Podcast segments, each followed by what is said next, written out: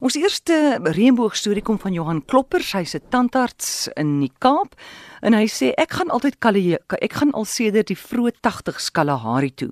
So deur die jare neem ek altyd die nodige instrumente saam om mense se tande te trek in die Kalahari. Vir hulle om by 'n tandarts uit te kom beteken dat hulle 160 km na twee riviere toe moet ry, twee riviere En dan sit ons so verdere 250 km tot by Appington. Dis baie ver. So baie van die mense loop vir maande lank met tandpyn. Hulle gebruik maar kruie en bossies om die pyn te verlig. Dit het al verskeie kere gebeur dat wanneer hulle die wit Land Rover by die kamp sien inry, hulle begin tou staan want die dokter van die tande het gekom. So het dit gebeur dat ek met die jare op die ou end al ou Hendrik se tande getrek het. Vir al die jare loop Hendrik maar so haasbek rond en ek het hom beloof dat eendag sal ek nog vir hom 'n stel tande maak.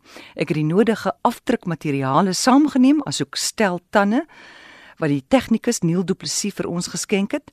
Ek het afdrukke geneem, modelle gegiet, bytblokke gemaak, bytbepaling gedoen en tande in die was opgestel. Ons het die tande ingepas en onmiddellik lyk ou Hendrik sommer ligjare jonger.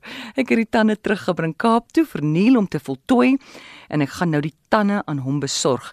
'n Kollega van my, Koos, gaan binnekort Galagadi toe en hy het aangebied om die tande te gaan plaas. Hy sê Amore, ek kan jou nie vertel wat 'n verryking dit is in my lewe om met hierdie mense te werk nie. Hy sê die dankbaarheid van hulle is ongelooflik.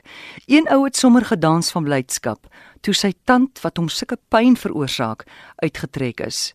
Wanneer hulle die volgende dag kom om dankie te sê, bring dit net so 'n gevoel van dankbaarheid oor 'n mens dat jy iemand in nood kan help.